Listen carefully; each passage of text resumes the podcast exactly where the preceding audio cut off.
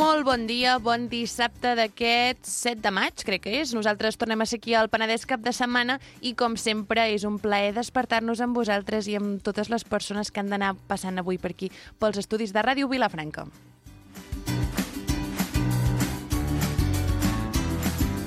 Dic, dic que crec que és 7 de maig, però en veritat és supermentida, perquè saps per què tinc tan clar que avui és 7 de maig? Perquè tu has mirat i ho tens apuntat? No, de fet tinc 30 d'abril, això encara és de la setmana passada. Però saps per què ho tinc clar? Perquè segurament me n'aniré repetint al llarg de tots aquests programes, bueno, de tot aquest cap de setmana, però és que ahir va ser el meu aniversari. Moltes felicitats! David! Uh! Sí que s'està fent llarg aquest aniversari, I- eh? És que el portem celebrant des de fa molts Des del, dies. 30 mira, des del 30 d'abril, de fet. Man, ja- I ja la prèvia que ja deies, és la meva festa! Clar, però això s'està fotent com una, com una boda gitana. Bueno, el que t'anem a explicar és que jo um, tinc, tinc la meva primera crisi d'edat. Ai, Sí. per què? Perquè ara, no sé qui va ser l'altre dia, mira, ja m'estic... No, és que m'ha entrat un pol·len. bueno, no m'ha entrat cap pol·len perquè aquí està tancat i barrat, eh? però l'altre dia algú em va dir és que ara ja estem més a prop dels 30 que dels 18. I clar, Sí. Eh, eh, això, això no fot gràcia, saps què et vull dir? Perquè jo et penses al 30, llavors ja penses en els 40, i jo- fa res tenia 18 anyets, i ara ja sóc tota una joveneta, saps? Una, una, Una joveneta, do- ja no. No, ja sóc una doneta, ara m'ho de començar a punxar botox aquí al- als pòmpols perquè no em surtin pates de gallo.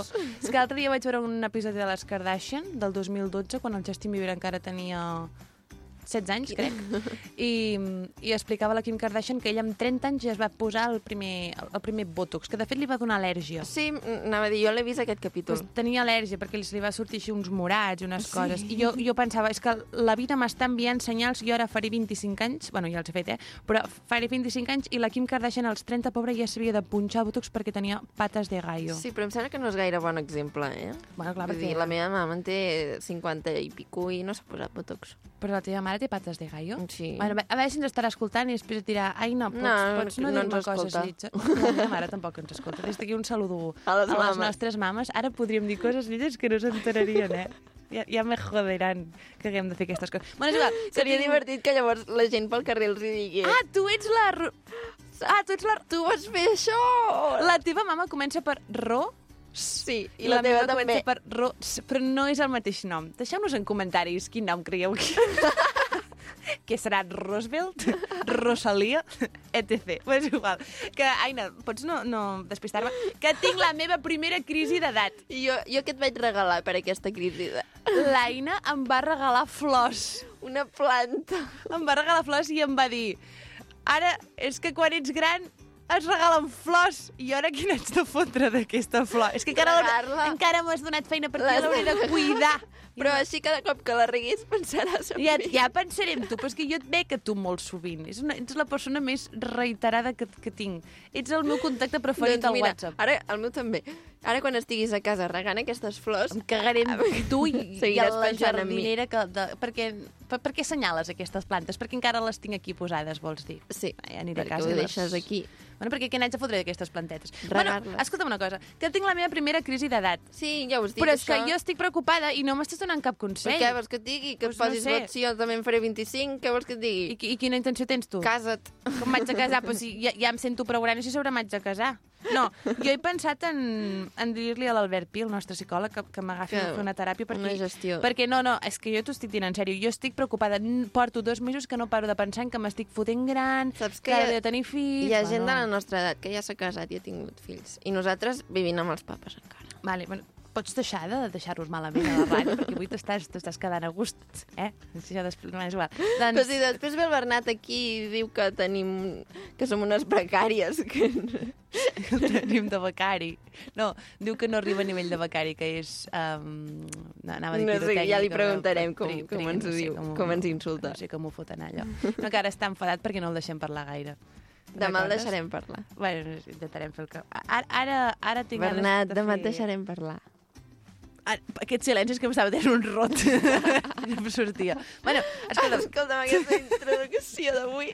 S'està fotent, s'està fotent, s'està fotent llarga. No, però és que jo et volia explicar que això, que tinc una crisi d'edat, que em paguis el psicòleg, Jo te l'he de pagar? home, meu regal d'aniversari, ja No que em va regalar unes plantetes, a veure com ho arreglem, això. No em dóna. Mira, saps què et diré jo mentre, mentre anem fent això? Que mm, a la gent de casa recordeu que eh, Vinga. tenim actiu el sorteig de la selecció d'abril de Cellers del Penedès i que si entreu al nostre Instagram doncs podeu trobar quatre ampolles que tenim sortejant, sortejant-se, que són de Torres Prunera, Finca Parera, de um, Estàs fotent un esforç, eh, dient així de mo- molet, Molet viticultors. I me'n falta una. Ara, que- ara, em sabrà dic, greu. Ara, Ara, ara, si ens en deixem, Ara em t'ho dic, un ràbia. moment, No, ves que jo... parlant, no, no, no, no, que rovellats. jo, que ja ho volia dir abans que m'ho diguessis tu. Rovellats. Vale. Doncs això, quatre ampolles superxules i superbones que poden ser vostres participant al sorteig del nostre Instagram arroba penedès cap de setmana. Uh -huh. Anava a dir barra baixa, però no tenim No, és que jo també em passa cada cop que ho dius penso barra baixa, però no, no estava agafat aquest. Mira, ja també és tenir bona sort. Bueno, um, que, que ja està, no? Ja, ja poder prou de fer el paperines aquí, sí, perquè s'està fotent llarga passar aquesta intro. el Marc i l'Enric ens estan mirant Sí, amb cara ja- de ja no no sé què esteu fotent. Bueno, doncs digues això que dius del separador. Um, dins capçalera. per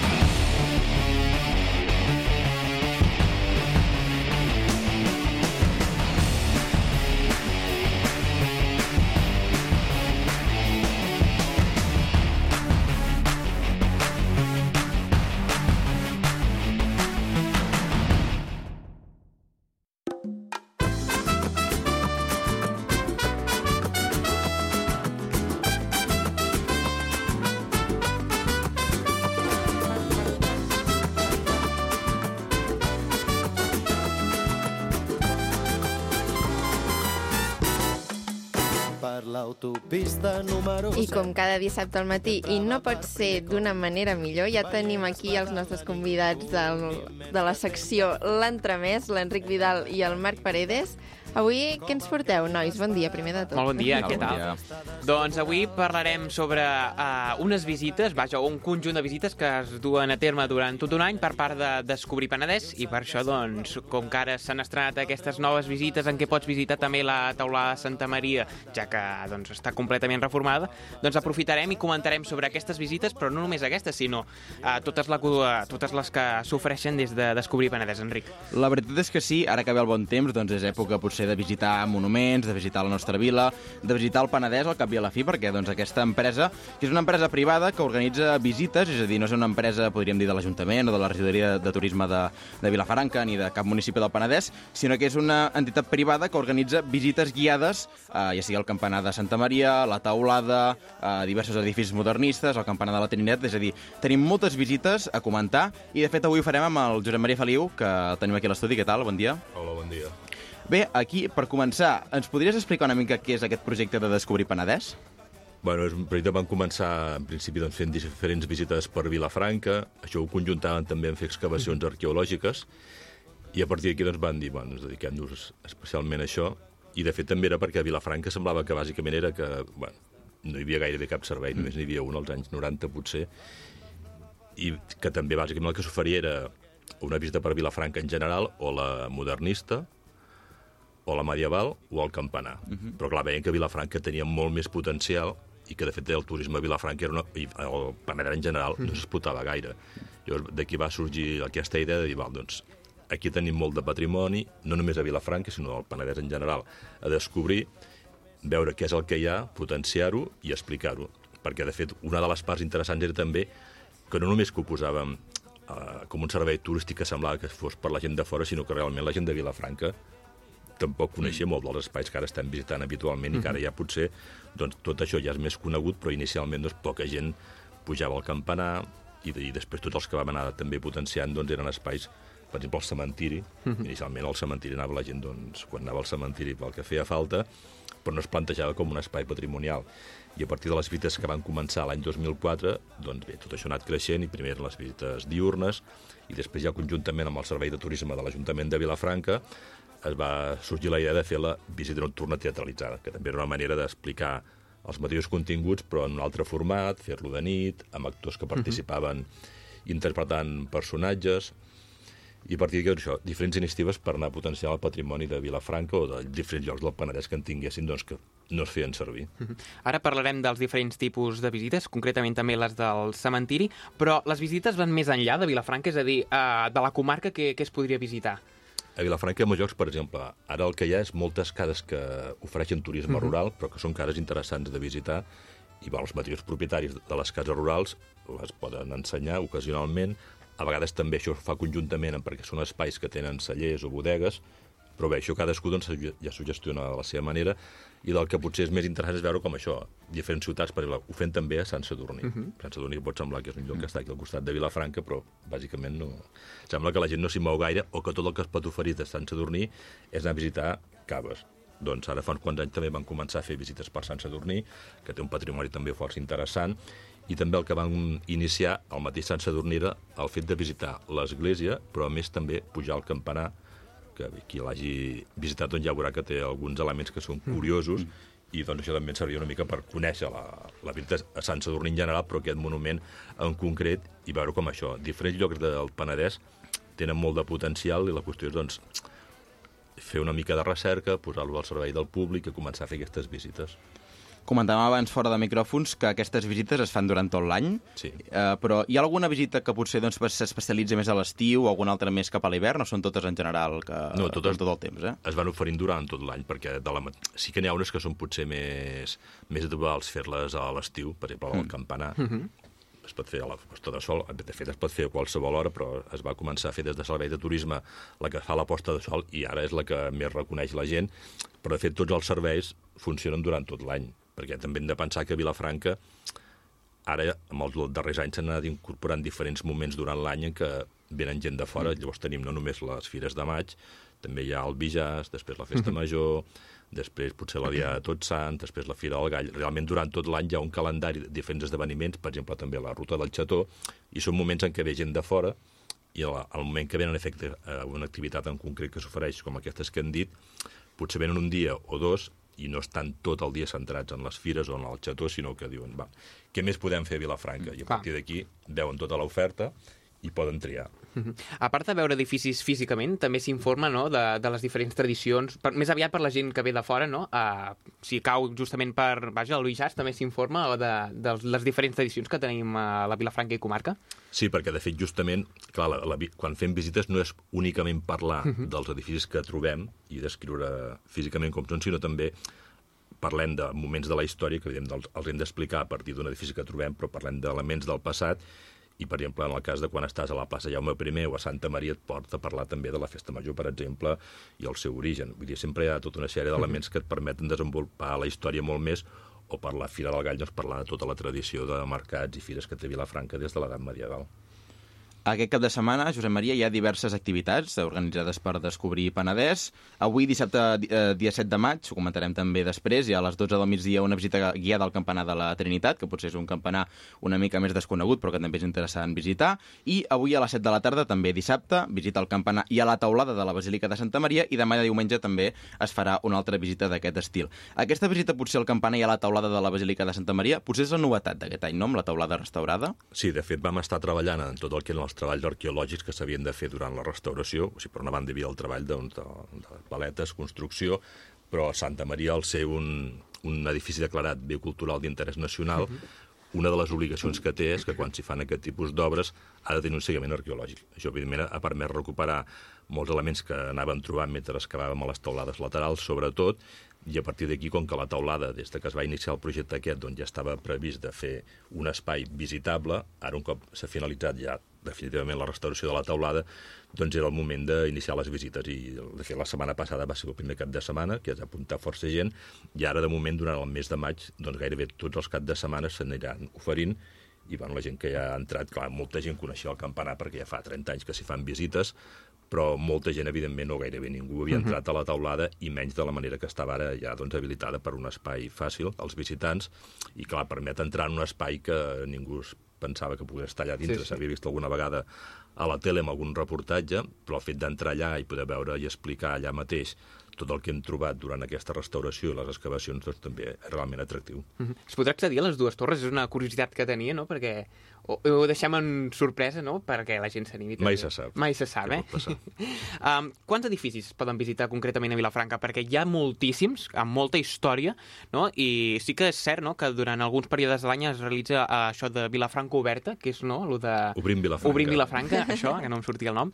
Uh, això també ve a càrrec vostre o... Bé, això una mica va sorgir perquè, bé, de fet tot va començar justament eh, aquí perquè eh, fa El 2015 van començar a Penedès Televisió la sèrie d'interiors de Vilafranca, que aquell any doncs, vam estar molt animats i vam fer de cop 20 capítols, i a partir d'aquí va sorgir la idea de fer visites guiades a diferents edificis de Vilafranca, que ho permetia, i que van sorgir justament a partir de, de la idea de l'interiors de Vilafranca. Llavors, a partir d'aquí va ser quan el Servei de Turisme va contactar amb nosaltres i va, es va començar a iniciar doncs, l'Obrim Vilafranca, que ara coneixem que ja fa 4 anys que se celebra.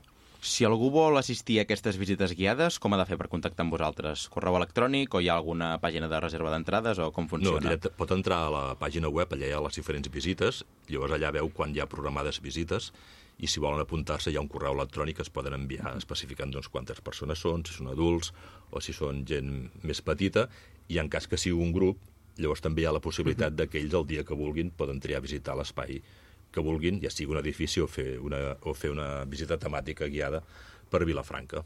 Per avui ja estan completes les entrades, és a dir, ja està tot ple o encara tenim temps? Encara- encara ha- encara hi ha espai, temps. sí. Per tant, doncs, la gent que vulgui, doncs, i si vulgui animar, avui encara té disponibilitat per veure la taulada de Santa Maria, el campanar i també el campanar de la Trinitat. O sigui, avui dissabte és a les 12 del migdia, Sí.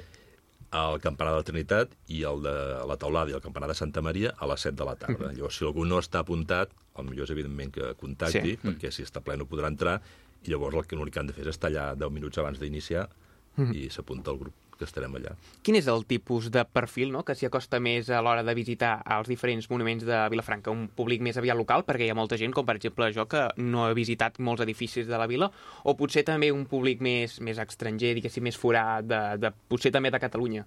Home, inicialment, quan hem començat aquestes visites temàtiques com poden ser l'altre d'edificis o vam començar el campanar de la Trinitat o el cementiri mateix, clar, bàsicament va ser gent de Vilafranca, perquè eren llocs que gairebé passaves cada dia per davant, però no en sabies res, i els primers anys funciona així. I després ja un cop això es va conèixer més bé gent de Vilafranca, perquè hem de pensar que hi ha gent, per exemple, que està especialitzada en turisme de cementiris, o gent que li interessa molt doncs, els campanats o les esglésies, i un cop això cada cop es coneix més, doncs la gent s'hi va apuntant, i el mateix passa amb les cases. Els primers anys era sobretot gent de Vilafranca o del Penedès, i després quan això es va publicitar més, doncs ja ens ve gent que li interessa el tema aquest de les cases històriques que poden venir de diferents llocs de Catalunya.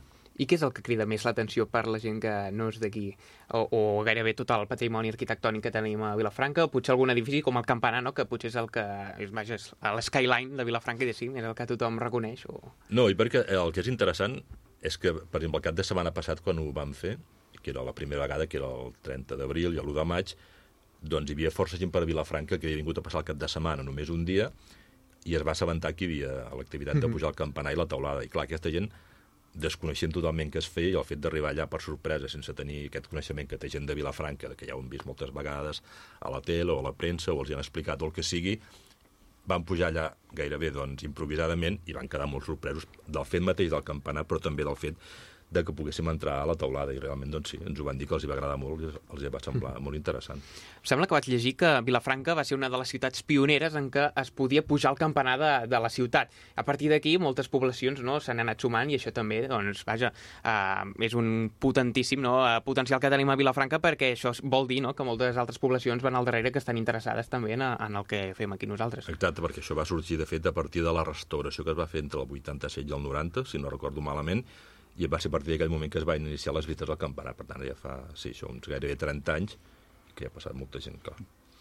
Les visites tenen algun tipus de cost o són Sí. gratuïts? Són... Cadascuna de les visites doncs, té un preu diferent. Per exemple, la que fem Depenent de ara l'espai. del campanar i la taulada val 10 euros. És una visita que gairebé dura una hora i 45 minuts, anem pels diferents espais, mostrem alguna peça que van trobar a les excavacions, i després les cases també, depèn de la casa, de la durada que té, doncs tenen diferents preus, però sempre acostumen a estar entre els, els 7 i els 9 euros. Doncs animem a tots els oients de l'entremès a visitar aquests edificis de Vilafranca. Eh, recordem el correu, eh, visites arroba descobripenedès.com, envieu un correu, a, un correu electrònic a aquesta adreça electrònica i doncs envieu un correu i dieu que volem assistir a la, a la sessió i... Sobretot dir quantes persones són, Exacte, per saber persones. si cabrem tots, perquè evidentment el campanar i la taulada justament és un espai que tampoc pots anar allà amb 25 persones i per tant està limitat.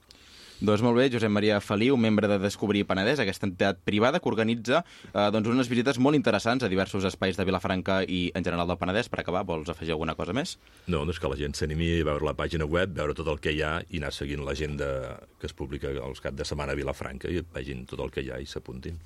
Molt bé, doncs moltes gràcies. A vosaltres.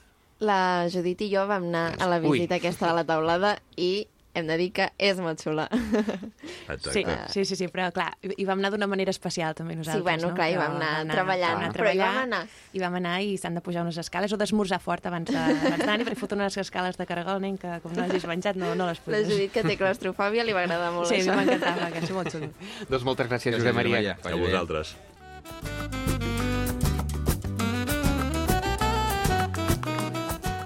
Doncs acabem de parlar amb en Josep Maria Feliu, membre de Descobrir Penedès, sobre aquestes visites guiades realment interessants a Vilafranca i arreu del Penedès. Però, Marc, no és, eh, no és les úniques activitats que hi ha cap de setmana a Vilafranca ni tampoc al Penedès. Així és, avui mateix, a dissabte dia 7, visita guiada al casal Noms, Veus i Records, una visita que ja s'ha dut a terme en altres ocasions i que s'emmarca dins de la programació del centenari del Gran Teatre Casal de Vilafranca.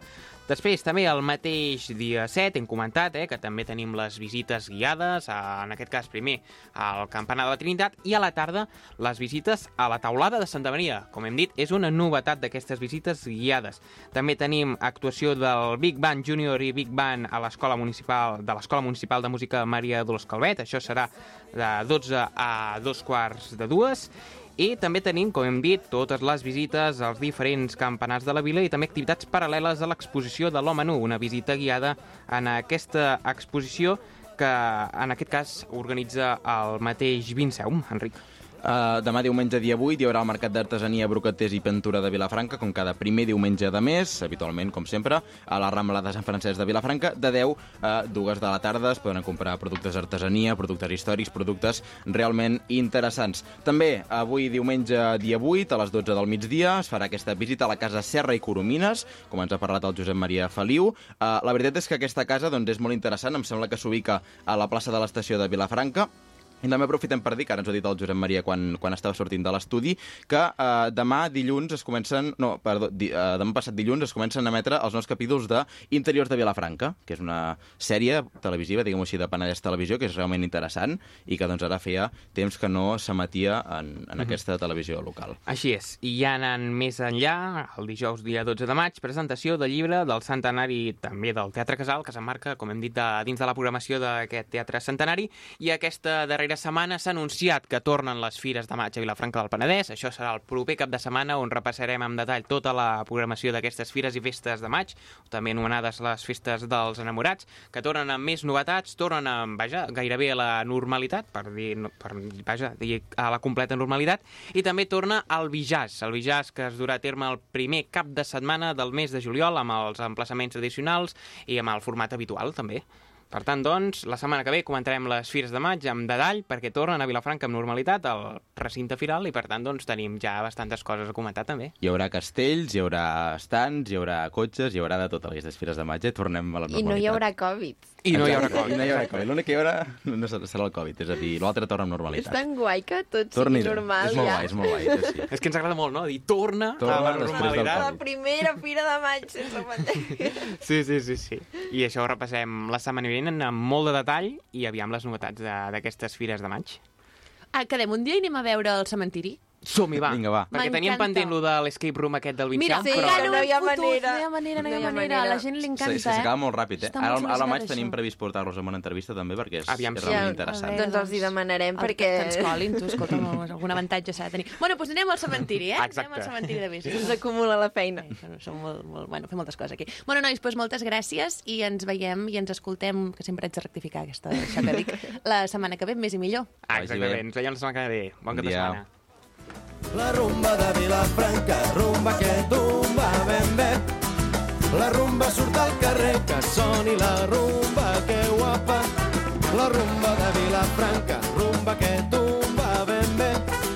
La rumba surt al carrer, que soni la rumba, que guapa. La rumba de Vilafranca, rumba que tumba ben bé. La rumba surt al carrer,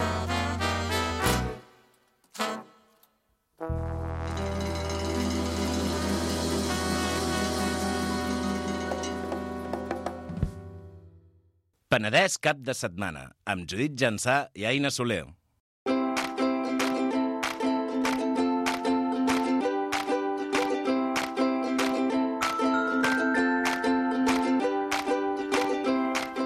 I és moment ara de fer la cartellera, que la cartellera, i segurament ja ho sabeu, però jo us ho repeteixo, és un espai on l'Aina Soler, aquí present, la meva companya i amiga, li agrada molt parlar de la programació que tenen els tres, atenció a la paraula, emplaçaments principals de Vilafranca, el Casal, Calbolet i l'Auditori. De fet, l'altre dia, no sé si te'n recordes, que el Marc o l'Enric, algun d'aquests dos, Sí. va dir la paraula emplaçament, Clar, però perquè- és que la va utilitzar, Aina, de forma banal, com si no fos una paraula ultra mega rara com Però otorrinolaringòlogo, saps? Evidentment, és una paraula mundialment utilitzada. No, segur que la coneix molta gent, però jo no la utilitzo de, form, de forma banal i ordinària. Però Ja. bueno, ja està bé que hi hagi gent llesta. t'estic ensenyant a utilitzar paraules xules. No, ja, ja, ja fots bé, ja. Dóna corda al català. Això d'on has tret? Això era un anunci.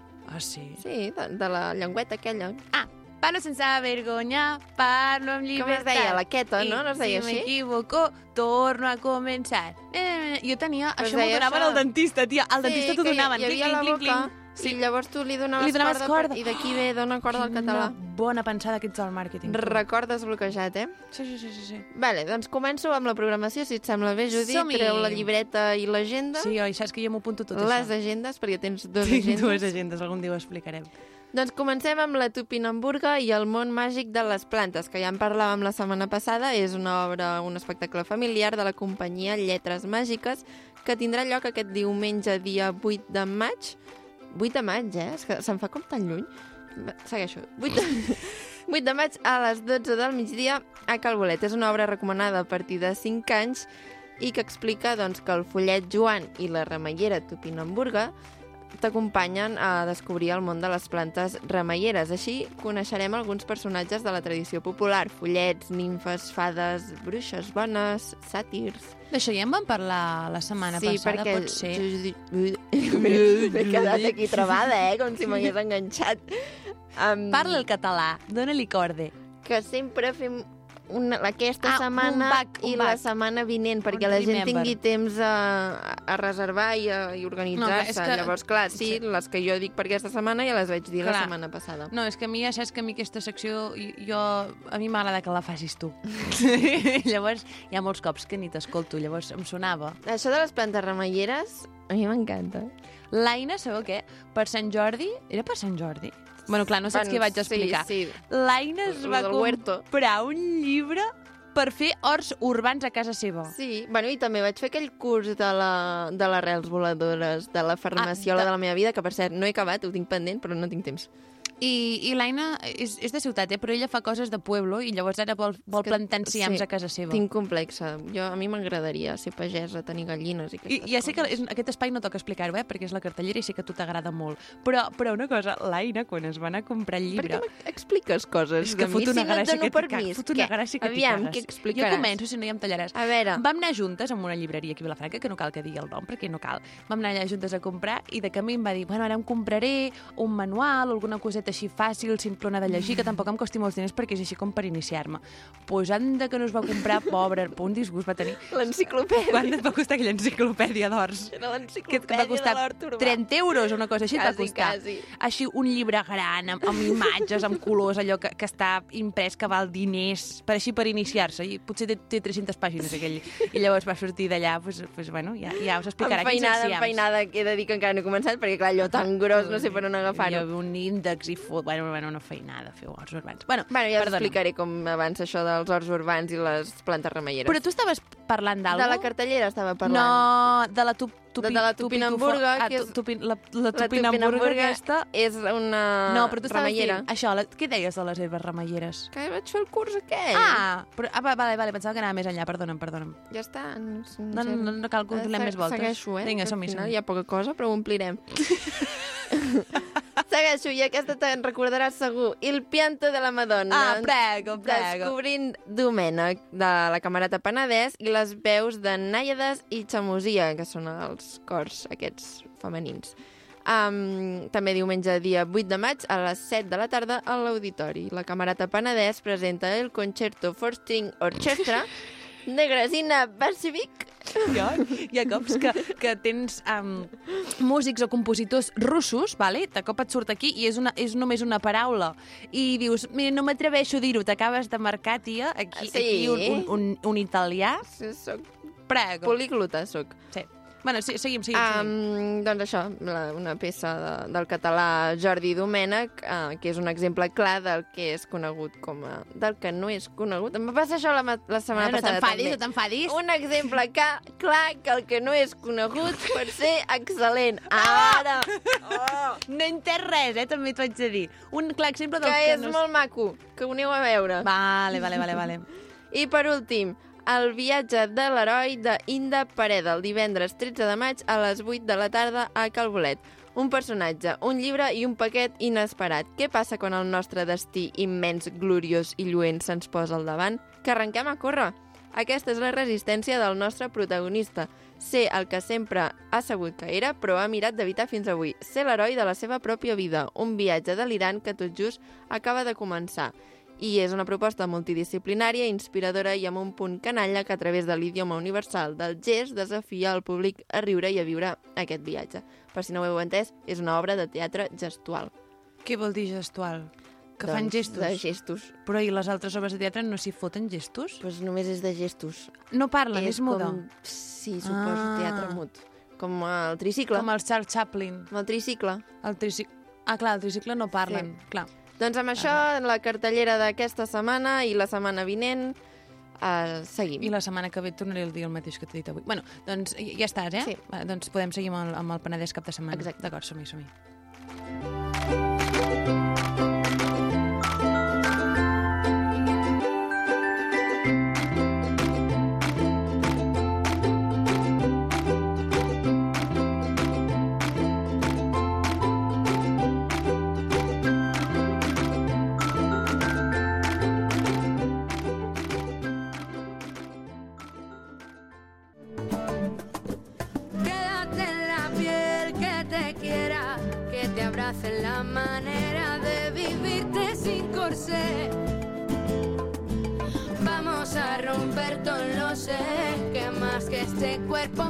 Frontera, cantando él no pasará. I aquesta cançó en forma de sintonia, perquè aquí transformem les coses, vol dir que haurien d'haver arribat la, la Cloro i la Maria, però, però tenim bad news. Avui és un dia trist. Hola, Cloro, how are you? Very well, thank you. Però estic sola i desolada i desemparada. Ara ho explicarem tot això a la nostra audiència, perquè tela. Tela, tela Maria, fallo un altre cop, falta, eh? Te Falta. ponemos falta. És molt fort, Comet això. vermell. Però, Però- anem però, a explicar-ho. No és, tot que- culpa seva, No, no, eh, no, no, Judit? no. I jo no miro a ningú, eh, Judit? Jo no miro a ningú, però no és tot culpa de la Maria. No. Anem a explicar les coses. A veure, primer s'ha de posar en context, eh, tot això. Contexto. Molt bé. Uh, el dimecres va ser el teu aniversari. Felicitats, eh? Felicitats, Clara! Clara! Happy birthday! I em vas Gràcies, fer, gràcies. em vas fer 30 tacos. 30 anys. Val, no sembla, eh? Després explicarem com vas passar aquest aniversari. Sí, sí, també accidentat, sí, sí. Seguim amb el context. Divendres, és a dir, ahir, Ahà. va ser el meu aniversari. Per molts anys, Judit! I vaig fer 25 anys. Estupendos. Llavors, com que era el meu cumple, jo vaig fer una festa. però- Festeta, no? Vaig Havia de ser una festeta. una Era una microfesta amb quatre amics, Re, quatre uns, uns coneguts. Ja- ja ganxitos, una mica de Uns ponche... xeflis, ja està. Pues jo vaig organitzar una festa el dia 30 d'abril, és a dir, sis dies abans del meu aniversari. Diuen que dona mala sort. Sí, ja ho veuràs això com Confirmem, ja m'ho aniré confirmem. trobant, ja m'ho aniré trobant. All, amb aquestes que jo vaig fer una festa bueno, gran, no? Perquè poder érem 90 persones. Bueno, Re, qu- quatre Re, ganxitos per 90 els amics- persones. els amics íntims. Els amics sí. La boda de... Sí que semblava que em casés. Bueno, en aquestes que vam organitzar un ball de gralles, van venir les Antines i ens van fer un ball de gralles. Oh. Cra, estic enamorada d'elles, per És que, cert. és que n'hi ha Són per unes fer. cremes. Sí, va ser molt guai. va Visca les ser, Antines. va ser el millor de la meva Volem vida. les Antines per festa major? Confirmem. Dic, que toques així el pinganillo? Fa, fa, Va, perquè volem fer arribar aquesta informació, doncs, eh, Estàs enviant-ho allà, sí. aquí dos carrers enrere. Sí, a veure si arriba. Eh, segur. Bueno, total, jo vaig organitzar una festa el 30 d'abril, dissabte... Mira, just fa una setmana avui. Ahà. Vale. Estaven tocant les Antines i la Maria Blanc, amiga meva i, a més a més, eh, col·laboradora no, de, de, del Penedès Cap de Setmana, estava ballant Dándolo todo. tot. Estava ballant molt, perquè s'ha de ballar molt, i, i va caure. Vaja, va caure. I què li va passar a la Maria? Ara farem veure que ningú sap. Què li va passar a la Maria? Doncs es va fer un esguins. El peu dret Però és que no acaba aquí la cosa.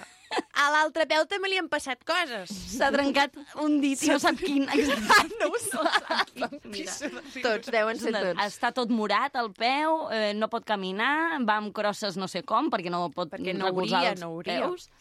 Total, un desastre. Per tant, tenim a la Maria empotrada, el, el, esqueixofrada al sofà, Amb les dues cames descansant. com una, com una cucaratxa girada. Sí, sí, I llavors, bueno, Maria, des d'aquí t'enviem un Molt petó ben gran. Sí, sí, Maria, recupera. Ànims, Això Maria. ho hem d'aixecar, eh? Què hem Això ho après d'això? Uh, no celebreu l'aniversari abans d'hora. És que jo crec que tot va malament. Clar. A partir d'ara només em passaran que coses dolentes. Sí, Clar, sí, vam clar. acabar aquella nit, que era el, el diabòlic, Sí. i jo vaig estar al diabòlic I després... 10 segons. Va, va anar, no, tu tot vas anar a 10 l'hospital. segons, perquè vaig anar amb la Maria a l'hospital. Una nit de diabòlic a l'hospital. Sí, sí, I diràs, sí. anar borratxa? No. No, no, vaig haver de fer d'assistent de salut tècnic, Eh? Ens fot gràcia perquè les condicions amb les que devíeu arribar allà a l'hospital no, No, són gaire d'hospital. va ser lluny, clar. va ser lluny. Sí. Per sort, no li feia tant de mal, perquè els ganxitos i el ponche... Clar, van alleugerar la situació. L'Aquarius van, van ajudar. Però escolta'm, no és l'únic que ha passat aquesta setmana. No, no, és que està sent una... setmana- Jo crec que Venus i Mart estan alineats malament, perquè jo també vinc carregada. La Cloro va fer una festa pels seus 30 anys a casa seva, que ara ens l'explicarà. Divertidíssima. Cloro, qui- amb qui ho vas celebrar? Amb qui vas fer els xeflis, tu? Doncs jo i el Sarcop, que és la crema que et donen contra la sarna, vam fer una festa el dimecres perquè tinc sarna, senyores i senyors. Soc una de les 30.000 persones joves a Catalunya que ara mateix té un brot de sarna. 30.000 30.000 persones. Acabo d'inventar Ah!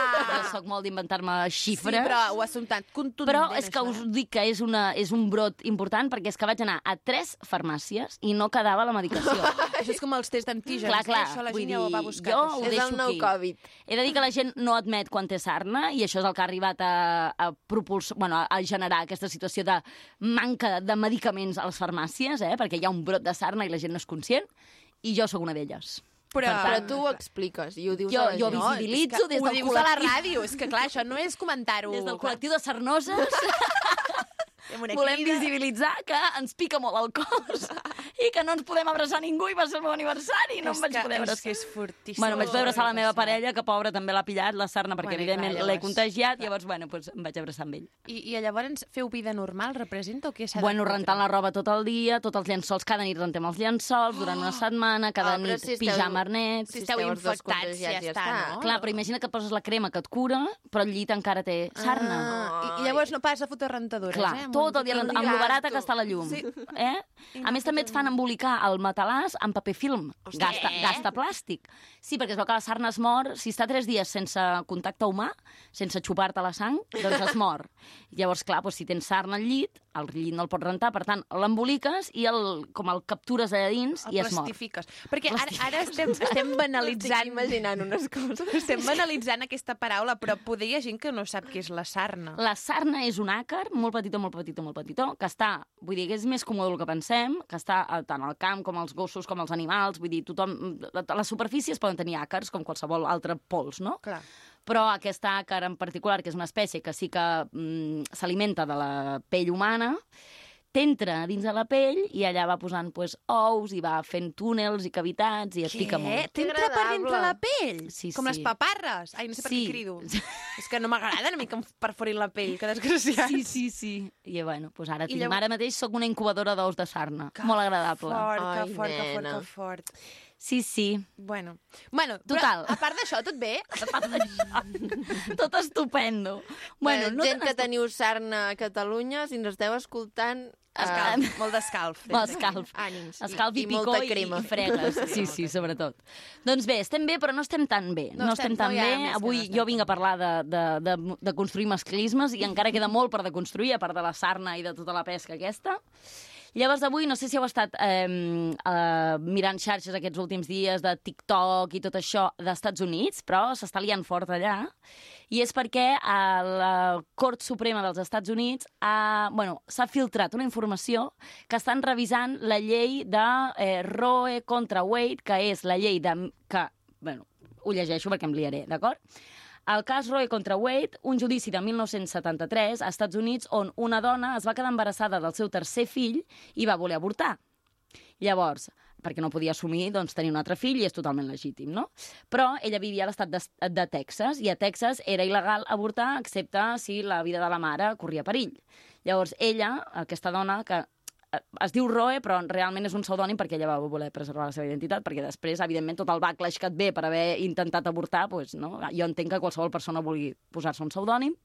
doncs um, va iniciar un procés de denúncies contra Wade, que era el fiscal del districte local de Texas, que és el que impulsava pues, aquesta llei que no podien avortar les dones. Llavors, eh, com que ella va denunciar que això era un dret anticonstitucional, perquè la Constitució dels Estats Units d'Amèrica diu que eh, el dret a la intimitat protegeix a totes les dones embarassades de fer la lliure elecció sobre si volen avortar o no, doncs Texas estava anant contra la Constitució. Llavors, en 1973, aquesta dona va aconseguir que aquesta denúncia arribés fins a la Cort Suprema i la Cort Suprema va votar a favor d'ella. I, per tant, des del 1973 als Estats Units es pot avortar lliurement gràcies a aquesta dona. Oh, vale? mira, molt bé. Tot i que, Fins- en la lletra petita, alguns estats dels Estats Units ja s'han rebel·lat contra aquesta llei i ja han prohibit avortar, com vam parlar fa uns programes enrere, que doncs, a Texas tornen a prohibir avortar i tota la pesca. Que No? pesats, tu. Pues aquests cinc estats, que són molt conservadors, han aconseguit mm, escapar aquesta llei de la Cort Suprema i, i no es pot avortar. Però el problema d'aquesta setmana, i lo gordo, és que si ara mateix la, aquesta, diguéssim, aquesta filtració que hi ha hagut d'aquest borrador de tirar enrere aquesta llei es fa oficial i deroguen aquesta llei, la resta d'estats membres dels Estats Units podrien tornar enrere a totes les lleis que tenien abans, que, evidentment, prohibien. La majoria dels estats prohibeixen l'avortament. Per tant, no serien només cinc estats on no es pot avortar, sinó que serien 20 i pico estats que tenen governs conservadors que prohibirien avortar. Llavors, ens estem posant en una situació encara més vulnerable, no?, de que, doncs, si abans, eh, o sigui, si fins fa una setmana les dones d'aquests cinc estats membres havien de creuar potser 200 o 300 o 400 quilòmetres amb cotxe per anar a un estat veí on sí que es podia avortar, pagar-se tot el viatge a elles, amb totes les conseqüències no? psicològiques, econòmiques i, i, evidentment, d'estructuració familiar que tot això pot generar, doncs és que ara potser han d'anar, han de creuar 4 o 5 o 7 estats per arribar a un estat on encara es pugui avortar, o inclús haver-se'n d'anar a Canadà o haver-se'n d'anar a Mèxic, no? I com que se'ls complica molt més la gestió de, de qualsevol avortament. Mare meva, ara estava pensant, però Trump ja no hi és. Clar, clar, és que és, és indignant com, com estem anant a pitjor quan en teoria Trump ja no hi és, però és que així va als Estats Units. I la Cort Suprema, mm, els membres de la Cort Suprema són escollits per als presidents... O sigui, cada president té com bueno, no sé com va, no, estic fent aquí com d'experta en No, però política, ja- ja està bé, però està bé. com que cada, ah, cada vegada que un membre de la Cort Suprema o mor o, bueno, perquè clar, són gent gran i Clar, ja ja, de ser homes ja blancs sí, grandets, no? sí, Llavors, sí, bueno, sí. doncs quan mor un, doncs, el president d'aquella vigent pot posar, eh, pot escollir qui entra a la Cort Suprema, que són, no sé si 13 o... Bueno, són molt pocs càrrecs, són 13 jutges que formen aquesta diguéssim, aquest òrgan que eh, rula, eh, mm, governa totes les lleis eh, constitucionals. Doncs el, el Trump va posar dos o tres, crec, no el recordo malament, però eh, dos o tres càrrecs els va posar ells, que eren ultraconservadors, llavors ara són de majoria ultraconservadora. Llavors, per molt que surtin dos vots en contra i set a favor, doncs si guanya els set a favor o els 14 que siguin, bueno, no sé, ara les mates m'estan costant, però sempre guanyaran els ultraconservadors. Llavors, doncs, tiraran enrere aquesta llei i, i bueno, doncs serà un desastre. Però això és una mica bucli, no?, que a la Cort Suprema sempre hi hagi jutges de Clar, 65 posats- anys blancs amb cabell... Sí, i posats a, a dedillo. Clar, és que a més de dedocràcia, és que Sí, no, no, sí, té, sí, sí. no veig el moment en què es renovi tot això, no? Hi havia una dona que, que, era, ah. que era molt guai, que era la Jude Bailey Ginsburg, bueno, no sé, que era una jefaza. Es deia i... Jut. Jut. Sí, sí, sí. I, i hi, ha un, hi ha una pel·lícula a Netflix que us la recomano molt, Ah, mira. sobre com ella va aconseguir també pues, millorar molt els drets de les dones als Estats Units, gràcies a que ella va entrar a la Cort Suprema, però, clar, la Jut va morir, crec que l'any Oh. passat, si no recordo malament, Ai. I, eh, i Donald Trump va posar com A a un substituta senyor. a una senyora, Ah. però que és igual de carca, Ah. casposa i conservadora No que els manera, altres. Llavors, manera, ara ja no és que siguin només homes, sinó que és que les dones que entren també. També són... Bueno, és que I llavors el. Biden sí que ha posat ara a un, la primera dona afrodescendent negra. D'esquerres, no? i com super mm, políticament activista i de tot, que es diu Kentanji Brown Jackson, que és la primera dona negra en aconseguir aquesta posició, i llavors eh, tota la eh, tots els periodistes del Fox i de totes aquestes cadenes casposes i ultraconservadores el que han fet és, en comptes de centrar-nos en el tema en qüestió que és, que estan retallant els drets de les dones eh, i que no podràs avortar lliurement, han derivat tota l'atenció mediàtica a dir, vaja, justament la setmana, dues setmanes després de que el Biden hagi posat aquesta dona negra a la Cort Suprema, va i es filtra una notícia de, la, de proposta de llei. És que hi ha una rata dins de la Cort Suprema, és que hi ha Oh. filtracions, és que això no hauria de ser així, és que va hi ha tal, és que segur que és aquesta dona perquè és la primera que ha entrat i és la que... Bueno, i han començat a fer una campanya per derivar l'atenció i que la gent no, no faci com crítica política de per què s'estan retallant els drets de les dones, sinó anem a criticar a la única dona negra que hi ha allà dins mm, mm, que està fent el millor que pot i lluitant contra aquests carques i carcamales que hi ha allà. És Total. que, ojo, ojo la, la presidència dels Estats Units, bueno, allò de, com es diu, el, el, mm, servicio secreto... Tot, tot, o sigui, allà és tot com una pel·lícula... Sí, sí. Va, jo l'altre dia vaig veure, quan, ara que deies això de Netflix, vaig veure un documental de la mort de Marilyn Monroe. Ah, Mare de Déu! que no està res clar, no, allà? Mare de Déu, o sigui, aquella noia, pobra noia, la van matar els germans Kennedy, però, vamos, Seguríssim, eh? seguríssim. Vaja, és que, bueno, no et facis president dels Estats Units. No, no sé, bueno, jo confiava una mica en el Biden, però bueno, és que No, clar, hi ha ja coses m'està que entenc que no estan a la seva mà, molt. Clar, pobre, no si estàs sol entre- clar. Sí, sí, i, i bueno. Que també és I que grandet, també, aquest, sí, anava a dir, també es morirà d'aquí quatre que dies, també pobre. Sí, no, i no. tampoc és aigua clara, eh? Perquè també se li, saben, se, se li coneixen coses una mica túrbies del Biden. Sí, però venim del tram Bueno, clar, i llavors tot havia no, no, d'anar sí. millor. Clar, és que si ho compares amb això no pot anar pitjor. Dins de lo Malo- pitjor. Ja que estan avall, no? no pots anar més avall. Llavors, bueno, amb tot això, eh, amb què es pot traduir tota aquesta, bueno, aquesta derogació de la llei de Roe versus Wade? Doncs, com a exemple, mireu el que ja ha passat a Idaho, que és un dels estats dels Estats Units, on, eh, si bé els violadors no poden denunciar la víctima per avortar, sí que pot passar el que preguntaven els defensors dels drets humans al Parlament local. That, that a, uh, someone who has committed a rape would not be able to uh, sue if an abortion were to take place. Would a family member of said rapist be able to sue? Would they have standing? Down to 21. Thank you. If it is the uh, parents, siblings, aunts and uncles, grandparents, then yes. Uh, same question then uh, for incest as well? Down 21. Thank you, yes. So if I am raped and choose to have an abortion and my rapist has 10 siblings, anything què tal l'anglès? Fatal. Eh, eh, Silvings i poco más. Vale, eh? faig la traducció, vale? faig, faig de primer d'advocat de defensor dels drets humans i després del conseller que toca, que està dient que sí, que la llei és així, punto. L'advocat diu, entenc eh, pel que diuen els magistrats que un violador no podria denunciar a la víctima que vol avortar, d'acord, però pot qualsevol familiar d'aquest violador podria denunciar a la víctima per avortar un fill biològicament emparentat amb ells? Llavors el conseller diu, a bé, si fossin els pares, els avis, els germans els, o els tiets del violador, sí, podrien, tindrien dret a denunciar a la víctima per avortar aquest fill. I llavors l'advocat pregunta, i en cas d'incest, és a dir, voler avortar perquè un familiar de la dona l'ha deixat embarassada? I el conseller diu, sí, també.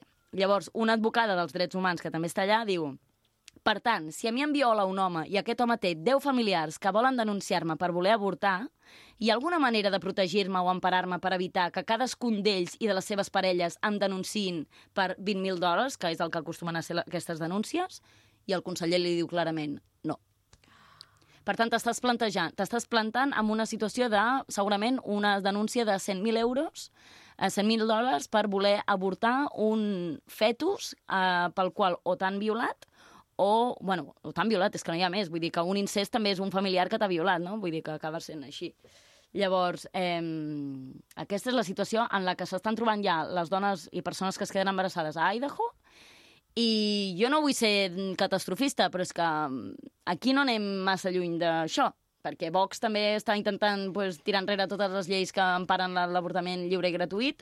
Eh, a Madrid també ja van intentar els del PP fer alguna semblant. Llavors, bueno, que, que plantegem-nos les coses perquè si no fem activisme polític i no ens plantem i no defensem els drets, eh, els drets només s'aconsegueixen doncs, lluitant-los i defensant-los al carrer i on calgui, però que si ens relaxem i pensem que, bueno, que això que ens queda molt lluny i que aquí no passarà, doncs jo crec que és qüestió de, de dies que ens trobem en una situació igual.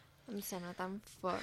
L'expressió aquella de, de... Bueno, no sé si és una expressió, però la típica frase que diuen i per què encara no ho hem cremat tot? Exacte, exacte. És que, jo espero de és tot que cor sembla tan que, heavy. que hi hagi gent escol escoltant-nos ara mateix, perquè trobo que, que, que la gent això no, no ho sap. No- és no que som ho sàpiga, no, no tenim consciència de que, igual que està passant allà, això passarà pot aquí. passar aquí, i no Exacte. perquè passi allà és menys important. Sí, o sigui, sí. perquè tenim entès, bueno, això passa a Palestina, bueno, això està molt lluny, no, no ens Exacte. afecta, som No, aquí no, els no. europeus blanquitos, no? Però, però és que és molt fort que hi hagi gent allà que li estigui passant això i, i, que, Exacte. i que no estiguem tan lluny de que passi aquí, no? Bueno, I que ens pensem tan avançats i tan superiors sí. a la resta, és que no. Mm, és que estem seguint els seus passos. Tot el que passa als Estats Units acaba, acaba passant arribant aquí. aquí.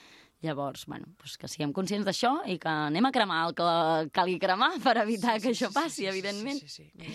Entre la sarna i aquests M'he disgustos... quedat en sí, xoc, sí, ara. Estic avui, no?, i tocada. Sort que va ser el meu aniversari. Sort que... Bueno, doncs, Clara, jo, jo et vull donar les gràcies, sempre us ho dic, eh? però a mi m'agrada molt que vingueu aquí i ens expliqueu Moltes aquestes gràcies, coses, guapa. perquè la gent ha de veure que, que no tot va bé. Que no, I que eh, no que- perquè no ho sàpiguen no passa, Exacte. saps? I que el feminisme no és una moda ni una, algo que estigui de moda i que sigui passajero, sinó que és una lluita constant de molts anys i que, i que encara ha de durar molts anys més, no? En fi. Bueno, Clara, doncs ho anirem deixant aquí, perquè a més avui crec que ens hem extès molt, Sí, oi? Al sí, principi crec que sí, però bueno, no passa, No passa res. res. Ja, I el Joan després Ja ja, estem ens ho acostumats. arreglarà. Sí, no bueno, Clara, uh, moltes gràcies per venir. A veure si la setmana que ve vens acompanyada. A veure si, A veure si- eh, almenys la Maria la puc carregar a cavallet, ni que sigui ja la jo. de coixa. Ah, sí. Una cosa així. Bueno, Clara, ens veiem la setmana que ve. Perfecte, moltes gràcies per noies, haver moltes gràcies. de hoguera, sus armas. Hay quien teme el mundo, ausente de esclava. Sepan que por golpe no crecen dos Penedès cap de setmana. El magazín dels dissabtes i diumenges a Ràdio Vilafranca.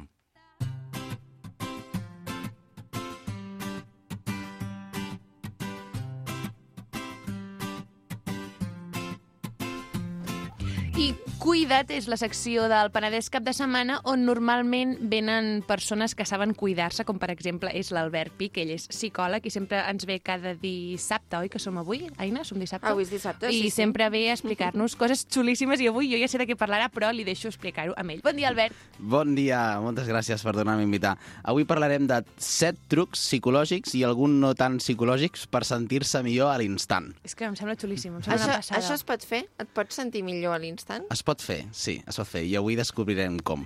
Però abans de, de fer-lo us vull preguntar al vostre... Perquè si no sempre parlo molt jo i vosaltres parleu poc. Quin és el vostre truc? Quan teniu un dia malament, que us heu aixecat amb el peu esquerre, sentiu tristes, no sé, enfadades, què feu per sentir-vos millor? Jo, Jo faig vaig a l'Estradivarius a comprar-me roba. Uau! Uau! Però, Aina, tu m'ho dius molt en l'Estradivarius. eh? Ui, ja ho has La setmana descobert, passada hi vam anar dos cops, crec. O sigui, clar, no? Bueno, és igual. Sí, sí, sí. Sí, sí, bueno, I si no, si no em compro res, surto de més mal humor. encara pitjor. Sí, sí, sí. Si no trobo res és fatal. Clar. No, jo, quan, quan tinc un mal dia, per sentir-me millor, uh, intento mirar fotos de dies bons. És a dir... De tios bons? No, no! He dit això? De No. dies... De és que pensava que ho havia dit de veritat. No, de dies bons. És dir, jo obro la meva galeria i tinc fotos de favoritos. I llavors em miro les fotos de favoritos, que són les que eh, estava fent alguna cosa molt xula o estava amb gent que m'agrada molt o el que sigui. Llavors, pues, mira això, penso, mira, també hi ha dies bons. Jo què sé, no ho sé. Molt bé, doncs aquest és un dels trucs, Ah, eh, sí? Judit, dels que portem. Sí, I sí. no l'està, no l'Estradivarius. L'Estradivarius no, no el tinc, però Clar. si funciona també el podem posar. Val, el, el punt número 1 és somriu encara que no tinguis ganes. Quan nosaltres ens sentim malament, posem cara de sentir-nos enfadats, tristos, amb por, i quan ens sentim bé, també posem cara d'alegres, il·lusionats, però també funciona al revés. Si tu poses cara d'alegre, començaràs a sentir-te alegre. Llavors, la manera més fàcil és somriure. Encara que no et tinguis ganes, encara que no et vingui de gust, somriu de manera forçada. I si et fa mandra, agafes un llapis o un bolígraf i el mossegues de forma horitzontal a la boca i te l'aguantes durant un minut i això el que fa és que la teva neuroquímica del cervell canvi i comences a produir endorfines. Anda. Somriu. Què m'estàs dient? O sigui, això és com quan menges xiclet, que l'estómac es pensa que estàs a punt de donar-li menjar i llavors s'agrega no sé què. Pues deu ser. No? Jo crec que va una miqueta per aquí. És enganyar el cos. Exacte. Sí, sí enganyes, el, bueno, enganyes la ment a través del cos. Clar. El punt número 1. El punt número 2 és similar, és postures de poder. I aquesta és molt guai, a mi m'agrada molt. La, això ve de la Amy Cuddy, que és una psicòloga americana, que va fer un experiment, va agafar un grup de persones i a, un, a, a la meitat els hi va dir no feu res i a l'altra meitat els hi va dir espereu-vos amb aquesta postura durant dos minuts. Els hi va fer una anàlisi de sang abans i una anàlisi de sang després i el que va veure és que els que s'havien esperat en postures de poder tenien un 25% menys de cortisol, que és l'hormona de l'estrès, de la por, i un 20% més de testosterona, que és l'hormona de la dominància, del poder, de la confiança, de la seguretat. Així que aguantar, bueno, estar dos minuts en una postura de poder, que ara us explicaré com és, és um, bàsicament mirar cap amunt, aixecar el cap, tirar els ombros endarrere, treure el pit i estirar els braços com si haguessis marcat un gol.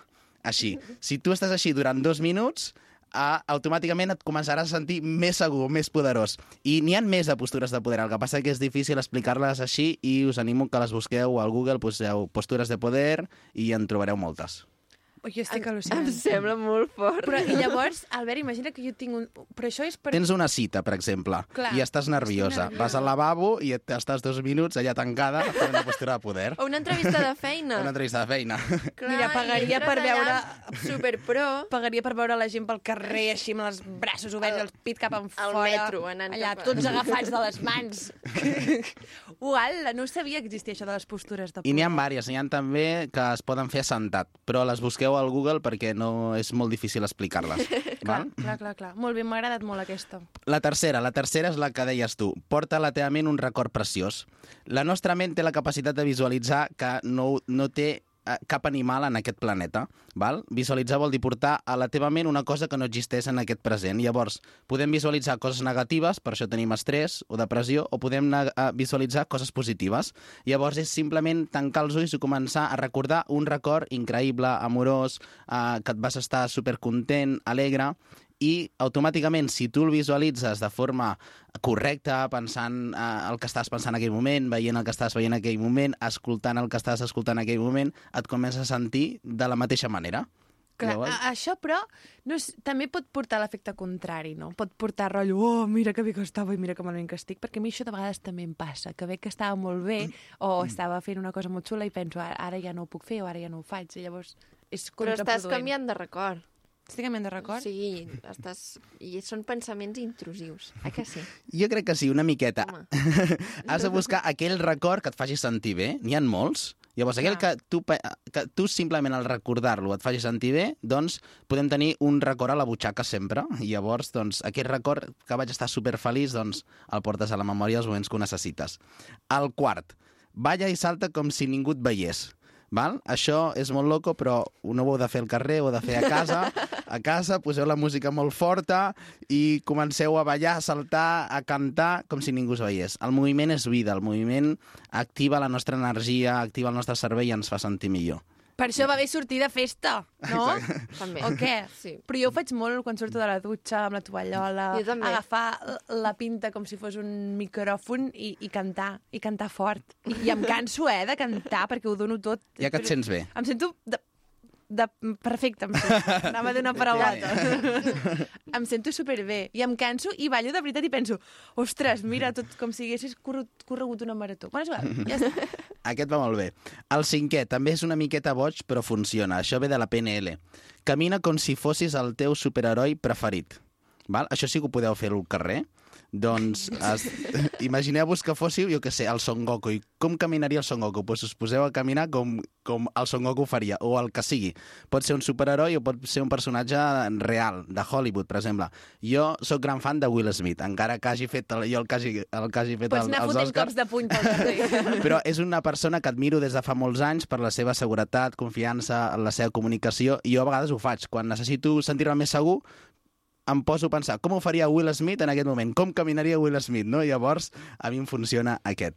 Camina com el teu superheroi preferit. És molt bona aquesta. A mi, jo... Quin és el teu superheroi No, preferit? és que no estava pensant. Imagina't que algú es pensa que és el Superman, però no pot volar. És igual. Jo, a mi, saps què em passa, Albert? Ara t'ho explico. Um, jo, quan tinc una situació delicada o tensa, sempre penso, els meus pares què farien? O l'altre dia que l'Aina i jo vam perdre una bateria d'una càmera i jo li deia, Aina, si tu fossis una bateria, on t'amagaries? No? A mi, i, a mi, i, i la trobes. És que és això, això serveix molt amb l'esport o en alguns moments que tens dubtes o que et sents una miqueta insegur, és pensar amb la persona que millor ho faria en aquest moment. Llavors, com ho faria aquesta persona en aquest moment? Llavors, tu has de fer tu has de fer-ho com si fossis aquella persona, no? Pensar en la teva ment, sóc aquesta persona, vaig a fer-ho. I això et dona confiança, seguretat i, i et fa sentir millor. Suposo que has de triar bé la persona, perquè per mi la Miley Cyrus és un referent, però no la prendria com a referent en certes ocasions. Clar, potser no sap on està la bateria de la càmera. Com ho faria la Miley Cyrus? Bueno, No ho faria. estar. Deixem estar. Val.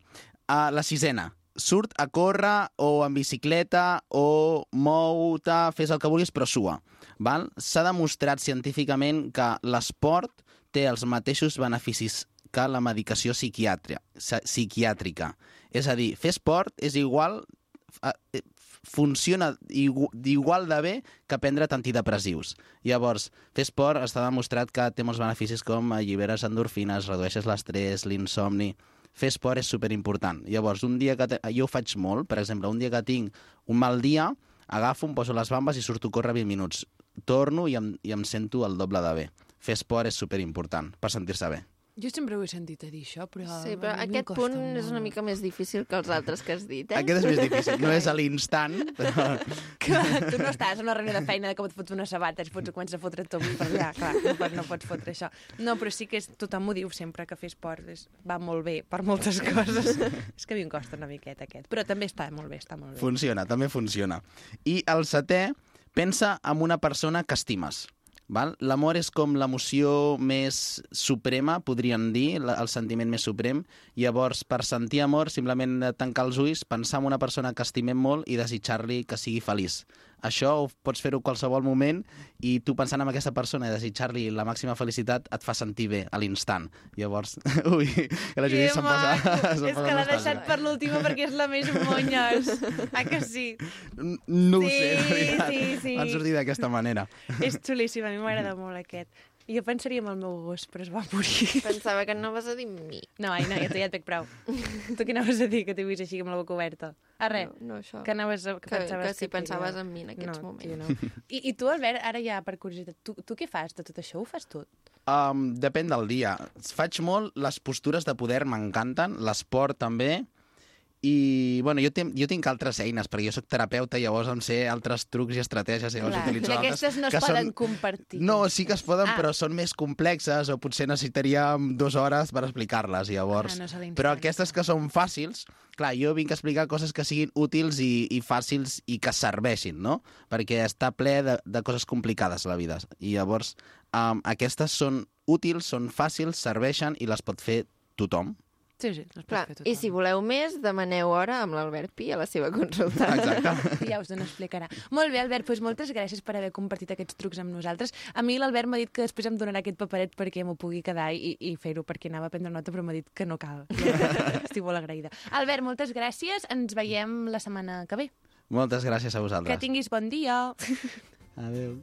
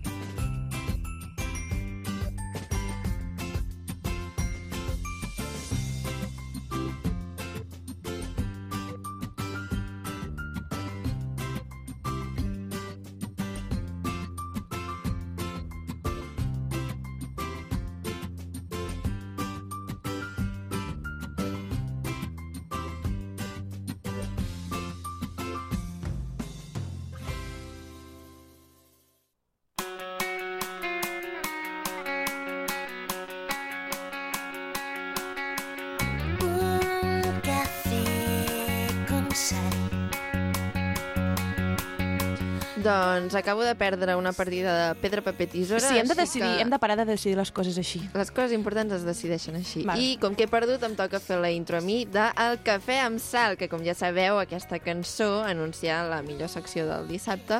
Per favor, per favor. Això no ho havia dit mai, eh? De llarg. Està sent un halago. I avui tenim això molt complet. Tenim aquí el, els habituals Roger... Ah, no, ho anava A veure, trobar. Ro- Roger, Roger- Bolet. Roger Bolet. Roger Bolet No i Pere passat mai. Font. Ningú ens ho ha fet mai. Roger Font i Pere Bolet. Benvinguts un altre cop al Cafè amb Sal. Moltíssimes gràcies. gràcies. Tenim també el Joan Moreno, Bones. que repeteix de la setmana passada, però avui ven sense bandau. Sí. Sol. I tenim a una estrena que és l'Anna Jové. Hola, Anna. Hola. Eh, aplaudiments, aplaudiments. Bravo! Gent nova. Saba nova. Des després et farem dir el currículum. Amb la gent nova ho fem aquestes És coses. veritat, sí que ho Sempre, fem sempre, això. sí, eh? Amb el Guillem també va passar el I crec mateix. que li vam eh? preguntar inclús de quin color portava els calçotets. Sí. Molt de gep va ser això. Però abans, uh, per si hi ha algú nou que no s'ha escoltat mai aquesta secció, doncs el que fem sal és la tertúlia de bar literalment portada a la ràdio, on cada setmana els nostres convidats i convidades ens porten una recomanació i una cosa que els hagi sorprès durant la vida, la setmana... Sí, així en general, en una mica. Moment, No, sí. sorpreseta. I surten coses molt divertides. Sí. Dit això, Anna, qui ets? Uh, bueno, soc l'Anna Joé, uh, sobretot d'aquí conec a l'Aina, perquè havíem estat al GEP juntes, per tant, això vol dir que he sigut monitora i perquè, a part, estic a panderetes amb ella. És la meva parella. Som, som pareji, som pareji. Oh. Després, ja una mica més de tema formació i laboral, doncs, soc, com tinc el meu Twitter, enginyer de formació i docent de, de vocació. I actualment sóc professora de matemàtiques a secundària. Déu-n'hi-do, És eh? completet, això, eh? Molt de profe per aquí. Sí que hi ha molt de profe, huele a profe. bueno, què, què, què hem de fotre avui? No, si no, Pregunteu-li amb ell, no? També el currículum. El Joan, però si el Joan ja el tenim més vist que, que, que tu. És, és la nostra veu de Penedès cap de setmana. Sí, no ho sabies, això? Ah, sí? Penedès cap de Això es, setmana. pot, això es pot posar, Joan? Bueno, si no t'ho fa el Joan en un moment, no? Perquè tenim la persona aquí en directe. No sé, poder en directe és, és inclús més xulo, no? Què? O, no? Sí, sí, sí. Ho vols fer, Joan? No sé si ho diré amb la M o amb la N, És que però... Joan deia, deia magazín. A veure, la dicció a vegades em costa una mica. Judit Jensen va costar també... Amb el Joan se li han uns pelos aquí dalt amb el casco, que fos És que una és el que gràcia. té- tremenda. Sí, Judit Jensen. Sí, sí, digues, digues. Eh, Això, que ho faig, no? Sí. Vamos, val. Eh, com era? Ah, Penedès cap- Penedès cap de setmana, el magazín dels dissabtes i els diumenges. A Ràdio Vilafranca. I després l'altre era Amaina Soler... Sí, no, no, realment no sé com és perquè no m'escolto gaire, però, però hi ha era una algo cosa... així. Jo mai ho he de sentit. Ah, que sí? És que per això el van fer venir, és que ho fa perfecte. Tens veu super Jo sí que ho he sentit molt, eh? Molt Sí? bé, molt bé. Però això és de fumar o tu tens aquesta veu així? Mare, mare de Déu. Jo no fumo. No. Ja, ja, no fuma, no fuma. pas. és Ah, jo què sé, hi ha gent que té la veu ronca així potent de fumar. Són no té cigalons, són dels els cigalons de, de Baileys. Jo crec que és una barreja de tot. Però és greu, no és ronca, no? No sé, per això pregunto. No ho sé. Si crido, a vegades és rara. És de baríton, és de baríton, això. Vale, sí. Sí que és un baríton. Bueno, molt bé, dit això, ja, ja podem anar començant perquè se'ns acaba el temps, quasi, quasi, eh? Ja s'acaba, Portem acabem de 4 començar i ja minuts i encara no hem fotut En el res. bar faríem el mateix. Sí. No hauríem explicat el currículum. bueno, vale, qui vol començar explicant-nos sorpreses o recomanacions?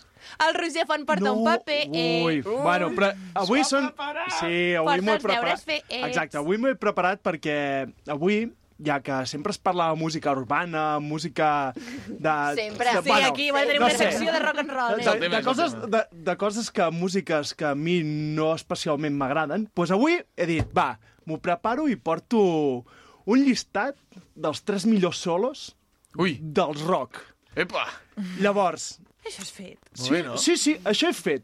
I llavors vull mencionar a tres cançons i abans li he dit al Joan, abans d'entrar aquí, que me les posés i escoltarem ah. les cançons. Escoltarem també. les cançons. Ah, escoltarem aquests solos tan guais. Sí que I ho farem ràpid.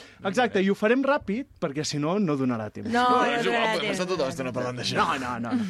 Llavors, el títol ha sigut Els tres solos de guitarra que m'agraden molt. Vale? Així és, Que així és, currat! Així és la llista. Però la posa i l'endevinem o la dius i la posa? No, no, ho dic, llavors faré una mica d'explicació del grup i del que és el guitarrista i després sentirem la cançó. Una cosa, Sí? em sento un mal convidat ara mateix. No, no. No, no, és, el, és l'especialet, és l'especialet. Nosaltres venim a pèl, eh? No A- passa res. Això no ho he portat mai, eh, tampoc. No, No, és la no, primera preparat, eh? aplaudim. No, no, Molt bé, vale, Roger, Eh, bé. bravo. Bueno, eh, potser Bueno, a primer veure ho escoltem sí, perquè sí, potser sí. Bueno, és va. una gran merda. Ah, Primer... No, no. Favor. Primer, el primer solo que m'agrada molt és d'una cançó que es diu Sweet Child of Mine, de Guns N' Roses, vale? i és un grup de hard rock que va néixer el 1985 a Los Angeles i té un gran ressò internacional. La gent del rock sabrà qui és Guns N' Roses. I llavors, qui protagonitza el que és el solo de guitarra és l'Slash, vale? que el 2012 va ser considerat com el millor guitarrista del moment i ara ocupa el top 65 de la llista de, del Rolling, de Rolling Stones, no sé, sí, es diu així. I llavors és el 65è millor guitarrista del moment. I posem un minut 32 de la cançó de Sweet Child of Mine. Mira, escolteu-lo, eh?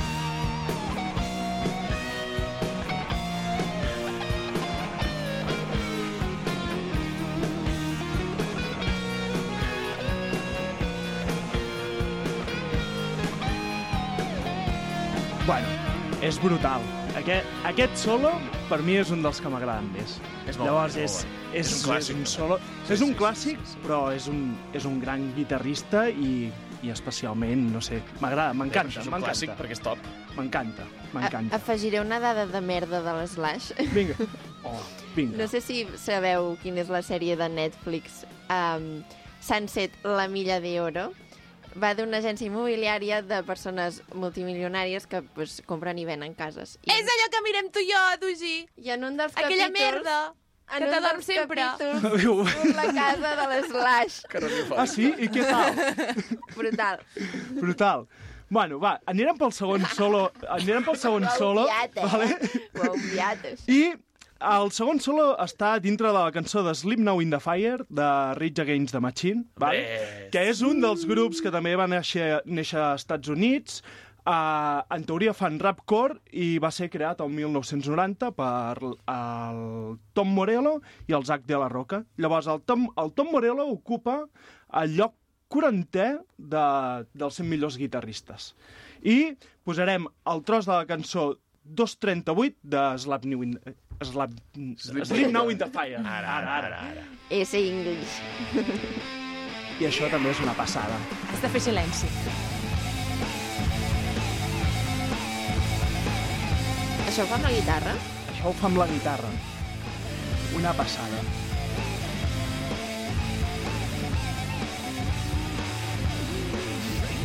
Uau, eh, impressionant. Sí, sí, és que no sembla una guitarra. No, no, no, no sembla una guitarra, però el tio, el tio, el tio... És com una metralleta marciana. És, és, sí, sí. és un crac. I anirem pel tercer solo, que aquí ve d'una banda ja de les millors, podríem considerar, del millor banda de rock que ha existit, que és Queen, i és de la és de Bohemian Rhapsody, de la canció Bohemian Rhapsody, que ho protagonitza el Brian May, Brian May, el, el solo, vale? I, bueno, i el grup pues, és un grup britànic, format el 1970, bueno, ja, és que no sé si dir més sobre Queen perquè ja, ja hi ha una pel·lícula, tothom se l'ha mirat i, i bueno, Ja ho hauríeu de saber. I, i bueno, no. clar, no, bueno, clar. És molt llarga, eh? La, la banda, És la banda xula. també liderada per Freddie Mercury, pues, pues ho té tot, no? I llavors escoltarem, bueno, dir-vos que Brian May està dintre, eh, és el 26è dintre del top dels 100 guitarristes millors del món, imagineu, que Hem anat això, pujant, això, eh? això, això, és un, Sí, sí, sí. això és molt top, eh, això, perquè ja estàs dintre els 50 millors, eh? Sí, sí. 50 I és quasi pocs, eh? del 25è, eh? I posarem el minut 2.32 de la cançó de Bohemian Rhapsody.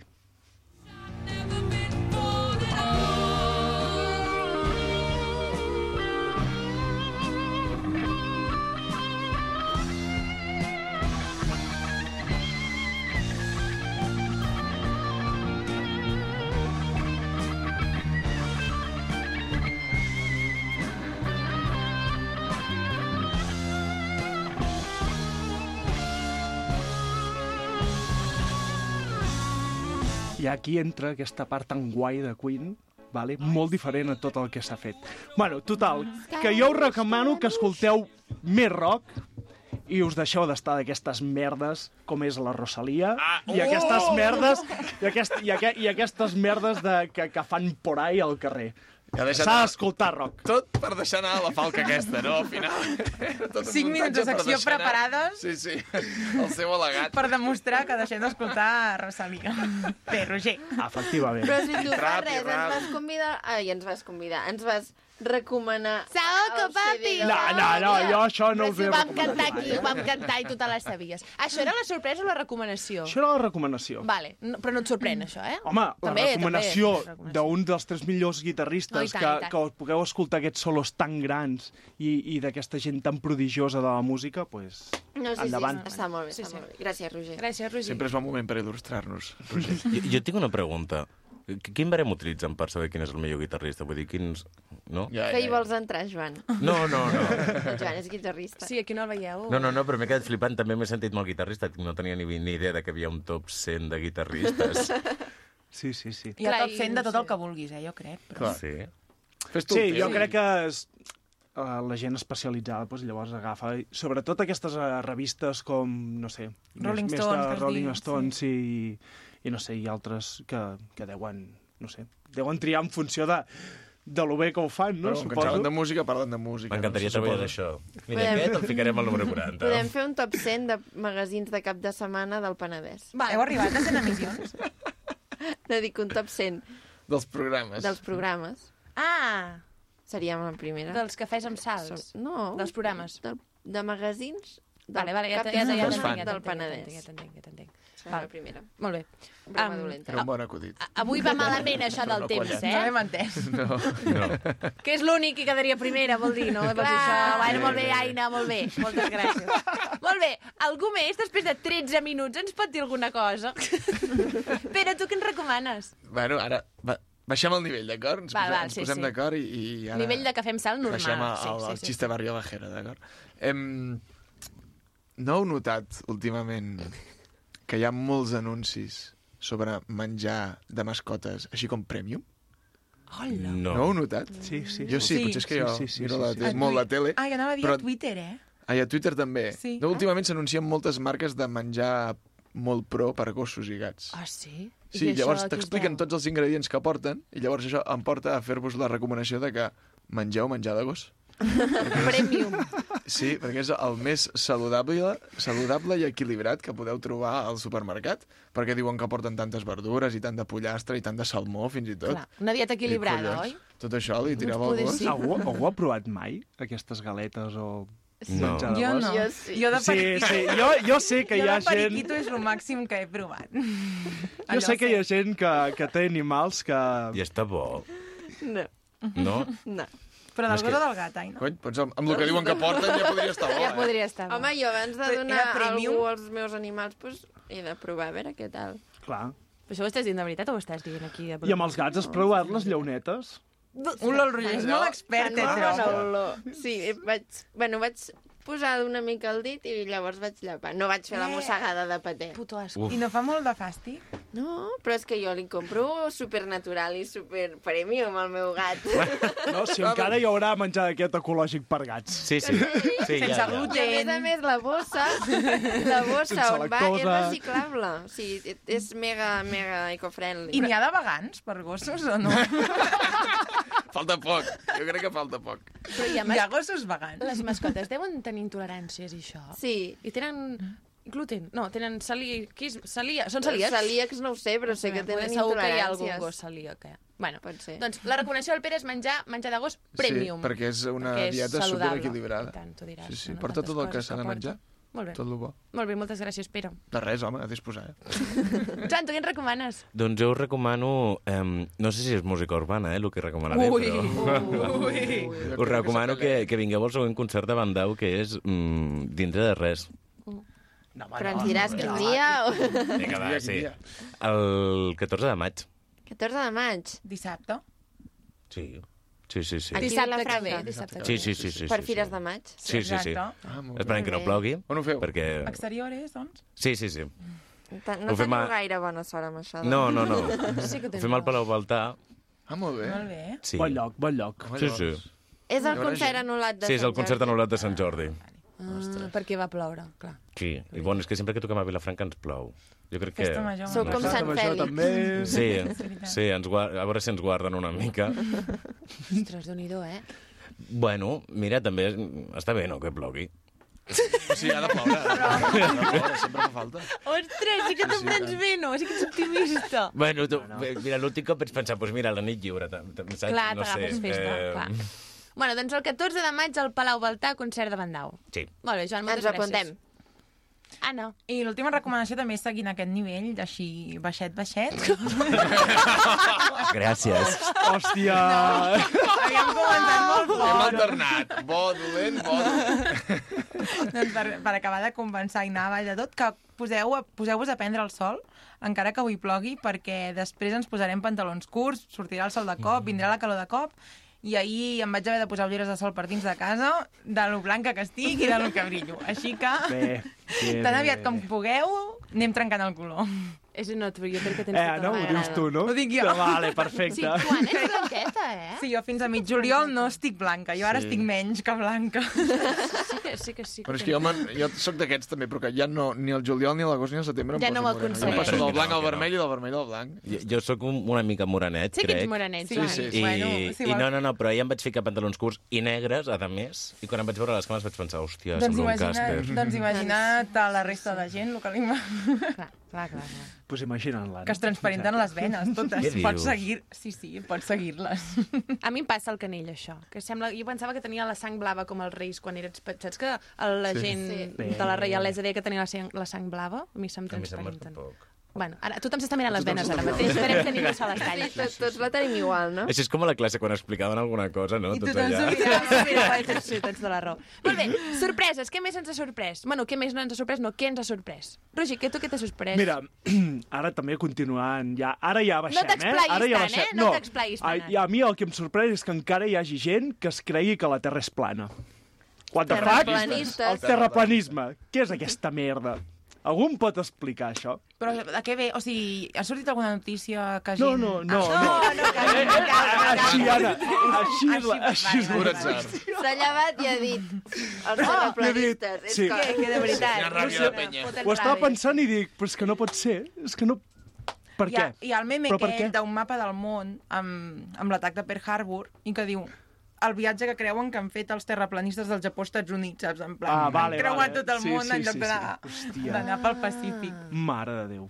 Sí, sí. Bueno, doncs des d'aquí bueno. molt d'escalf a la- als Un saludo als terraplanistes. terraplanistes. No, Es cauen als oceans i ja està. Morin. Tu diràs, tu diràs. Molt bé, Roger, a mi també em sorprèn això. Moltes gràcies. De res.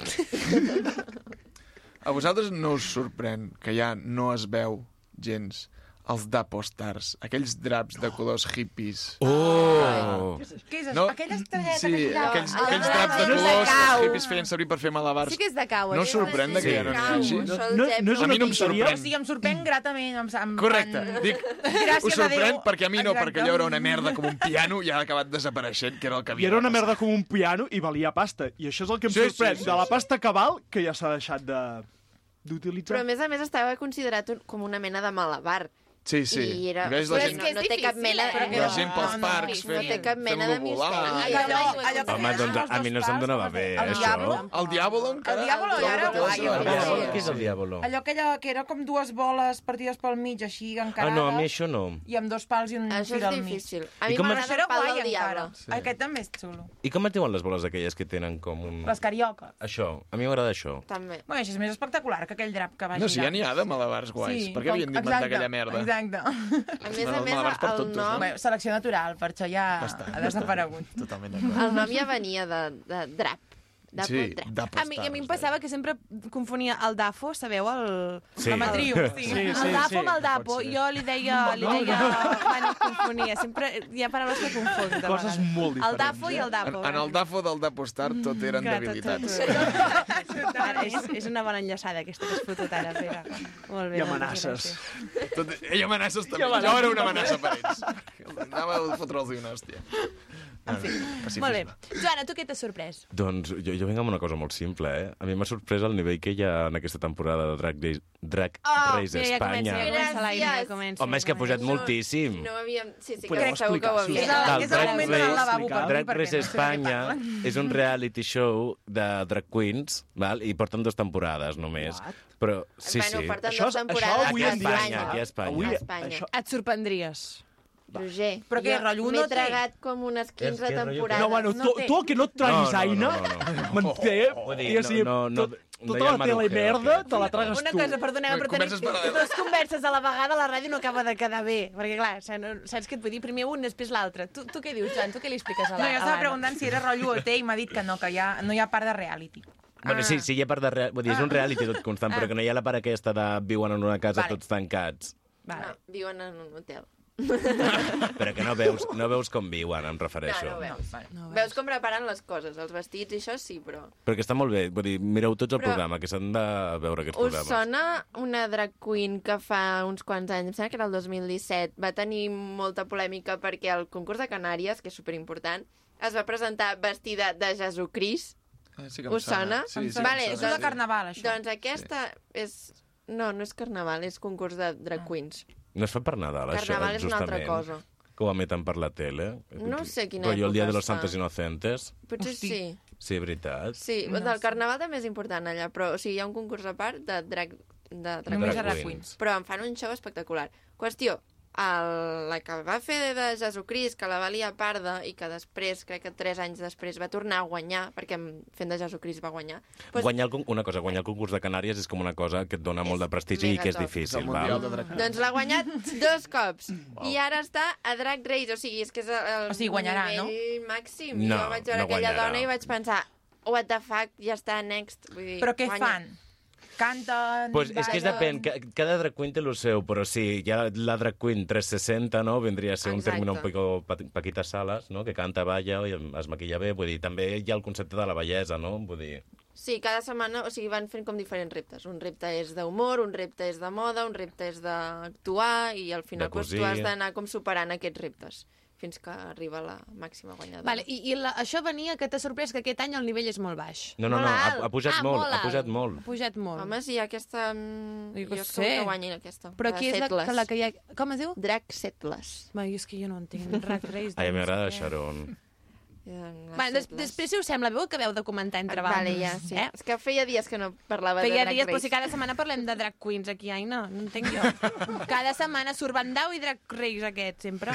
Bueno, és maco que vagi Són lligat, temes A eh? mi se'm fa repetitiu tot plegat. Però bueno, ja està bé que surti. Joan, molt bé, moltes gràcies, eh? per mencionar Bandau i drag Avui ho tallem ràpid, eh, això? Hòstia. És que es parlen molt al principi. Ja, ja, ja. Has Ja us he dit que no sí, volia sí, sí. començar. eh? Anna, Anna, tu què t'ha sorprès, Anna, maca? Doncs m'ha sorprès... ja que has vingut, no? doncs m'ha sorprès i molt gratament que el teixit associatiu vilafranquí segueixi en bona forma després d'aquests anys de parada i després de les traves que se'ns posa sempre i venim d'una setmana de diabòlic i ahir, per exemple, en Panderetes vam actuar a Can Cartró, que organitzen tot des del poble i l'associació i que, que seguim recolzant-los i que intentin doncs, no posar pals a les rodes i no posar traves des, de, des del govern. Que ja que no ho fan, doncs que no entorpeixin. Molt bé, està, està bé que vam un discurs així de ben Sí, està ben, ben dit. Hem tornat Sí, a plorar. Ara que vam a dalt. Mentre ho deixem a dalt, el que ha passat mentrestant. Clar, és igual el que hagi passat. No, Aina, no cal que m'assenyalis quant de temps portem, No, perquè ja et dic mirar, jo que ens hem mirar. passat, ens hem passat. Ja podem acomiadar. Què acomiades tu, acomiado jo. Ah, Acomiado fem- jo. Fem un pedra, paper, sí. Ja, acomiades tu. Bueno, molt bé, adéu. Vinga, digues adéu als convidats, Aina. Bueno, doncs Roger, Pere, Joan, Anna, quins noms més catalans. Gràcies! Vinga, gràcies per la secció i ens veiem la setmana que ve. La, la dada és certa. La dada és certa. Bueno, Anna, Sí, és català. Vale, això. prou, Aina, talla-ho. Moltes gràcies per venir una setmana més, us esperem ben aviat. Vinga, cap al bar.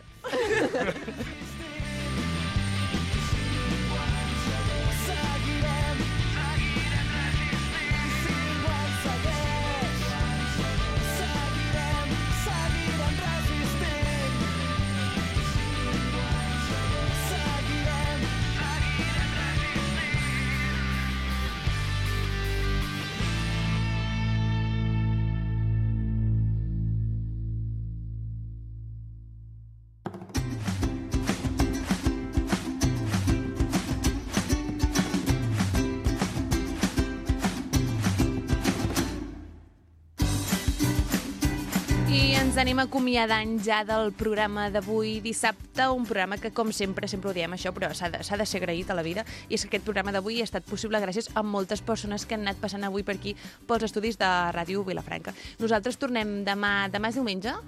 Demà és diumenge, Jo sí, sempre sí, saps que treballem no sé, dos dies. Sé que m'acaba de passar, que, que mai sé ben bé quin, a quin dia estem. El que sí que sé és que, és que ahir va ser el meu aniversari, no sé si t'ho he dit. Ah, no sé si la gent de casa se n'ha acabat d'enterar.